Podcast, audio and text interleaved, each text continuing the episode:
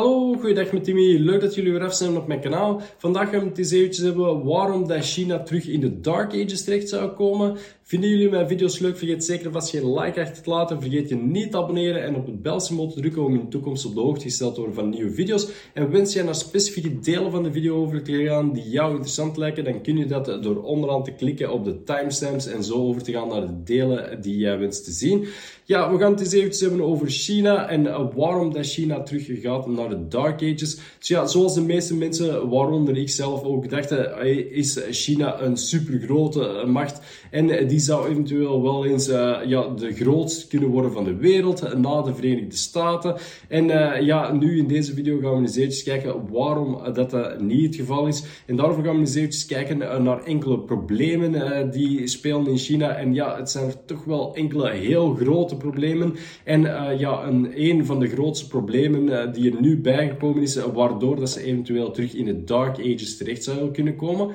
Ja, daarvoor gaan we eerst eens eventjes kijken naar eh, de historiek eh, van China. En eh, ja, gaan we ook eens eventjes kijken naar welke opties dat ze allemaal hebben voor de toekomst. Dus ja, eerst en vooral is het belangrijk om te weten dat ja, grootmachten eigenlijk kracht hebben, vooral door hun natuurlijke resources. en dan spreken we natuurlijk over olie uit het verleden. En ja, olie wordt nog altijd grotendeels gebruikt voor allerlei zaken en geeft nog altijd redelijk wat macht. maar we gaan nu eens eventjes ook eens kijken naar ja, uh, semiconductors. En uh, ja, wat wil dat nu eigenlijk zeggen en waarom zijn die semiconductors zo belangrijk? Uh, ja, China die produceert heel veel technologische items en hiervoor zijn semiconductors nodig. Maken zij nu zelf die semiconductors? Nee, China is eigenlijk een van de grootste importeurs van semiconductors ter wereld. En zij importeren twee keer zoveel semiconductors dan als ze eigenlijk ja, energie importeren via olie en andere zaken. Uh, dus ja, redelijk belangrijk voor China. En uh, ja, op deze manier uh, kunnen ze eigenlijk verder. En dan ja, waar zit dan eigenlijk die technologie en waar komt deze technologie allemaal vandaan? Ja, die komt origineel eigenlijk uh, van de Verenigde Staten. Dus ja, we hebben in het verleden ja, dat de transistor is uitgevonden in de Verenigde Staten. Nadien hadden we dan basic chips die uitgevonden zijn. Ja, onder meer bijvoorbeeld de chips in Texas Instruments van die eenvoudige calculators van vroeger jaren. die bestaan uit de eenvoudige chips. En eh, ja, China die heeft zelf niet de know-how om die chips te maken. En eh, ja, ook eh, zelf niet de resources. En dan, ja, de meeste mensen denken van, ja, ja Taiwan die maakt inderdaad die geavanceerde chips. Uh, maar ja, dat is ook niet 100% uh, ja, waar. Uh, en daarvoor gaan we eens eventjes verder kijken. En ja, kijken we eens eigenlijk naar de huidige situatie en de situatie dat we vroeger zaten. zo is het zo dat we eigenlijk een lange periode hebben gehad van globalisatie. waarbij dat eigenlijk allerlei landen met elkaar samenwerkten. En op deze manier eigenlijk ja, producten gemaakt werden en technologie gedeeld werd met elkaar. waardoor dat er eigenlijk een soort van samenwerking werking wereldwijd gebeurde, waarbij dat meerdere werelddelen met elkaar werkten en de technologie zat in een bepaald werelddeel, de, uh, ja, de productie in een ander werelddeel. En eh, zo zien we bijvoorbeeld dat ja, de iPhones van vandaag en zo, eh, dat die gemaakt worden. Eh, eh, de onderdeel worden wel in zes verschillende landen of zo gemaakt. En eh, ja, op deze momenten zien we eigenlijk eh, dat die globalisatie eigenlijk een beetje begint af te nemen.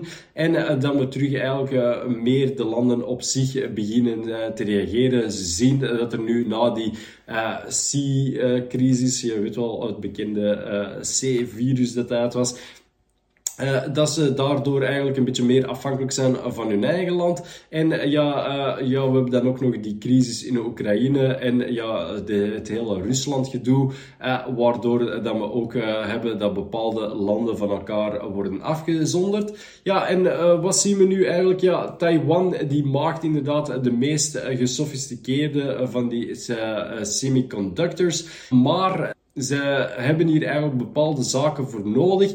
En uh, ja, dat zijn eigenlijk onderdelen en grondstoffen eigenlijk die uh, komen vanuit de Verenigde Staten. Zo heb je het silicum, zand dat nodig is en dat komt eigenlijk uit North Carolina. En eh, zelf hebben zij eigenlijk in Taiwan uh, dit niet beschikbaar. En ook de, de belangrijkste onderdelen komen eigenlijk ook uit de Verenigde Staten en worden dan samengezet in Taiwan. Dus ja, Taiwan heeft de know-how om die bepaalde dingen samen te zetten, uh, maar die heeft eigenlijk niet de resources en ook niet ja, de chip designs, welke uiteindelijk door de Verenigde Staten ontworpen worden. Ja, wat zien we nu verder? Ja, China die importeert al die zaken. China die natuurlijk die, die chips hebben. En uh, als zij die chips niet meer kunnen hebben, kunnen zij dus niets geavanceerd maken. Ja, zo zien we bijvoorbeeld eh, dat ja, die tier 1 chips die worden gebruikt.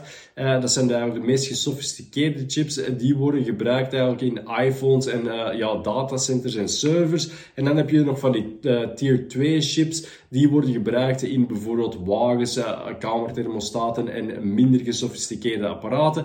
En dan heb je ook nog eens die tier 3 chips die eigenlijk voor basic apparaatjes gebruikt worden. zoals bijvoorbeeld ja, gewoon simpel rekenmachines en zo. En ja, al die technologie eigenlijk en ja, de resources, uh, dus het uiteindelijke bouwblokken, die komen dus vanuit de Verenigde Staten. En ja, China die importeert eigenlijk gewoon grotendeels al hun microchips. Maar ja, die weten eigenlijk niet hoe dat dit gemaakt wordt. En sinds de Trump-administratie is er eigenlijk een soort van trade wars ontstaan, eh, waarbij Trump eigenlijk een beetje meer uh, alles wil toetrekken naar de Verenigde Staten. En Biden is er eigenlijk nu nog een stapje verder in gegaan en heeft nu een nieuw uh, wetsvoorstel eigenlijk getekend in 2022, waarbij dat ze eigenlijk ja, verbieden om ja, uh, materiaal te laten exporteren naar China en ook de know-how en uh, dat bedrijven die eigenlijk nog in China zitten en niet terugkomen naar de Verenigde Staten, dat die eigenlijk hun ja, citizenships, hun Amerikaanse rechten zouden verliezen. Ja, dus dit drijft ertoe dat die bedrijven eventueel ja, niet echt een keuze hebben en zullen terugkomen naar de Verenigde Staten. Verder hebben ze nog allerlei incentives waarbij dat ze eigenlijk 50 miljard dollar uitleveren voor chipfabrikanten die naar de Verenigde Staten komen. En zo zien we meer en meer van die chipfabrikanten terugkomen. Ja, de allergrootste van de chipfabrikanten is Intel. Dan heb je eh, in Zuid-Korea nog van die chipfabrikanten. Dan heb je in Taiwan nog van van die chipfabrikanten. Dus ja, dat zijn eigenlijk de grootste wereldwijd. Maar alle basisingrediënten voor die chips te maken, die komen eigenlijk uit de Verenigde Staten. En als de Verenigde Staten uh, ja, die landen afsnijdt, dan uh, kunnen zij eigenlijk dat niet meer maken. Dus eigenlijk ja, redelijk grote gevolgen. En dan ja, zien we in het wereldnieuws ook van ja, uh, China die uh, wil Taiwan binnenvallen om eventueel die chips te bemachtigen. maar ja, zo simpel is het echter niet. Die chips die komen nog van de Verenigde Staten. Taiwan heeft ook gezegd dat ze al hun fabrieken gaan opblazen. Moest China daar binnenvallen, zodanig dat China toch niet beschikt over deze technologie. En moesten ze toch over die fabrieken beschikken, krijgen ze sowieso geen grondstoffen meer van de Verenigde Staten. Uh, dus staan ze weer op hetzelfde punt waarop dat ze niet verder kunnen. Verder zien we dan eh, dat China nog andere problemen heeft. Dus ja, we, we zien dat ze door die semiconductors en zo, uh, als ze die uh, chips en zo niet meer kunnen krijgen, uh, op die manier kunnen ze eigenlijk ja, geen advanced zaken niet meer doen, zoals robotica, geen geavanceerde wapens niet meer produceren, kunnen ze eigenlijk zelfs geen simpele huishoudproducten niet meer maken, zoals bijvoorbeeld wasmachines, droogmachines, frigo's, en uh, ja, diepvriezers, eh, dus ja, dan gaan ze eigenlijk basically terug naar het produceren van kledij en ja, en zo. maar ja, die geavanceerde zaken die ze nodig hebben eigenlijk om die geavanceerde technologie te maken, daarover gaan ze niet meer beschikken. Uh, China heeft daar bovenop nog enkele andere problemen eh, die ook nog eens spelen. En dat is namelijk uh, ja, water. Ze hebben bijna geen water en alle water dat ze hebben is allemaal bijna vervuild.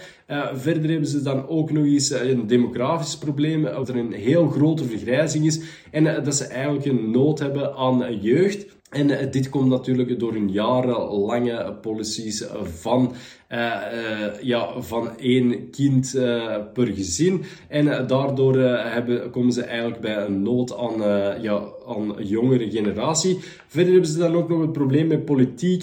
ja, zoals jullie wel weten, hebben ze daar een communistisch systeem. in het communistisch systeem moet iedereen over dezelfde lijn denken en ja, anders denken en zich bezighouden met het ontwikkelen van technologie wordt eigenlijk ja, tegengewerkt, waardoor dat er eigenlijk weinig technologische uh, ontwikkeling is. Uh, dit is wel een beetje verbeterd in de jaren 80, waarbij dat ze een hint van kapitalisme eigenlijk hebben toegevoegd, uh, waarbij dat er toch enige zaken en redelijk grote vooruitgang geboekt is binnen China. maar ja, die communistische partij die stremt nog altijd grotendeels hun vooruitgang en die zorgt er nog altijd voor ja, dat ze niet vooruit kunnen gaan. En ja, een beetje in de lijn van de Great Reset. Ja, als iedereen gelijk is en iedereen dingen, waarom zou je de moeite doen om iets extra te doen als je er toch geen rewards voor krijgt, ja, ga je voor de betterment uh, van je civilization eigenlijk gaan allerlei zaken gaan uitzoeken, terwijl dat je gewoon lui op je zetel kunt zitten en hetzelfde hebben als iedereen. Dat is natuurlijk ook iets dat meespeelt, waardoor je niet vooruit kunt gaan. Verder hebben ze dan ook nog een voedselcrisis. Dus ja, ze hebben die demografische crisis, waarbij dat er geen jeugd meer is, dat de hele bevolking vergaat. Ze hebben dan ook nog een tekort aan water. Ze hebben dan ook nog eens uh, een voedselcrisis, want ja, in China eigenlijk uh, ja, is heel veel woestijn en uh, is het heel moeilijk om eigenlijk genoeg eten te produceren voor de hele bevolking. Dus dat komt er dan ook nog eens bovenop, dus dat de mensen eigenlijk ja, in hongersnood kunnen terechtkomen als ze niet genoeg voedsel importeren. En ja, voor de rest zien we dat China eigenlijk een van de grootste importeurs is van allerlei zaken. En in tegenstelling tot de Verenigde Staten is dit natuurlijk een enorm nadeel. In de Verenigde Staten, ja, die kunnen zelf hun voedsel voorzien, die kunnen zelf hun energie voorzien en uh, zijn zelfs een van de grootste exporteurs van energie. Uh, dus ja, op zich uh, zijn ze daar enorm benadeeld. En ja, hoe zit het nu met die geavanceerde chips? Ja, die worden niet in de Verenigde Staten gemaakt, maar in Taiwan. Hoe gaan ze dat dan in orde krijgen voor de Verenigde Staten? Wel ja, daar zijn ze reeds mee bezig. Dus door die bedrijven aan te trekken en terug naar de Verenigde Staten te krijgen. En zo zien we bijvoorbeeld dat Intel een fabriek ook terug in de Verenigde Staten bouwt. en dat zelfs Taiwan uh, met een van de grootste chip producers naar de Verenigde Staten komt, uh, wat ertoe leidt dat al die technologie, al die jobs, uh, al die technische skilled people eigenlijk terugkomen naar de Verenigde Staten. Met als gevolg uh, ja, dat, de, dat dus de Verenigde Staten over al die uh, technologie gaat beschikken. Dat China eigenlijk een beetje terug in de dark ages terechtkomt. En ja, dat ze daar dus met een enorm probleem zitten. Nu heeft ja, China eigenlijk drie opties. Ja, het eerste optie is gewoon dat ze in de dark ages terechtkomen. Dat ze geen geavanceerde technologie meer hebben. De tweede optie is dat ze eigenlijk tot een oorlog overgaan. En dat zien we ook al stiltjes aan in het nieuws.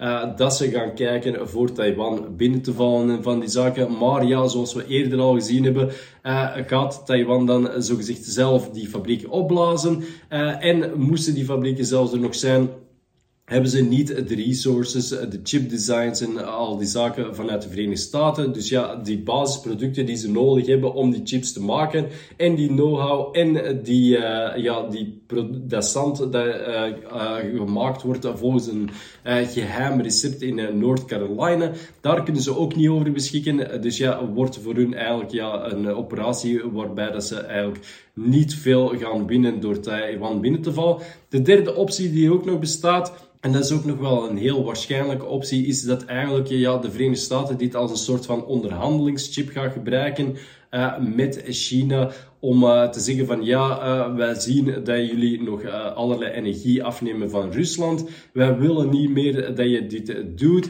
En ja, in ruil daarvoor zo eventueel mondjesmaat terug wat chips aan jullie leveren, die jullie toch al zodanig nodig hebben. Dus ja, we zouden kunnen zien dat dit een soort van onderhandelingspoging wordt van de Verenigde Staten eigenlijk om China op de knieën te dwingen en op deze manier eigenlijk ook ja, ervoor te zorgen dat er ook nog een ban komt uh, van het importeren van uh, gas en uh, grondstoffen uit Rusland. En om daar dan nog eens de druk op te oefenen vanuit uh, ja, vanuit het Westen eigenlijk tegen Rusland. Dus ja, dit was eventjes mijn video over China en waarom dat China eventueel in de Dark Ages terug zou belanden. Dus ja, nu zien jullie ook eigenlijk hoe afhankelijk dat China is van andere landen, uh, hoeveel dat ze eigenlijk moeten importeren, hoe afhankelijk dat ze zijn van die chips en van de Verenigde Staten om eigenlijk voor te kunnen en om eigenlijk al die producten te kunnen produceren. Dus ja, zonder de Verenigde Staten, zonder chips, vallen zij eigenlijk eigenlijk terug in de Dark Ages. En verder hebben ze dan nog al die andere problemen uh, ja, met demografie, uh, ja, voedselvoorziening. Uh, hebben ze dan ook nog die politieke issues, hebben ze dan ook nog die waterproblemen en het probleem dat ze eigenlijk ja, zoveel van hun energie moeten importeren, terwijl dat de Verenigde Staten eigenlijk zelf deze energie kan aanmaken. Dus ja, jullie zien wel hoe erg dat het gesteld is met China. En ja, in tegenstelling tot wat we eerder dachten dat China zo machtig is, lijkt het toch wel niet zo machtig te zijn uiteindelijk. En zou het wel eens kunnen dat ze ja, moeten luisteren naar de Verenigde Staten. En ja, dat de Verenigde Staten eigenlijk toch wel alle touwtjes in handen heeft. Hopelijk vonden jullie mijn video leuk. Vergeet zeker en vast geen like achter te laten. Vergeet je niet te abonneren. En vergeet ook niet op het belsymbool te drukken om in de toekomst op de hoogte gesteld te worden van nieuwe video's. En dan hoop ik jullie spoedig terug te zien in een van mijn volgende video's. Fijne dag nog. Dag.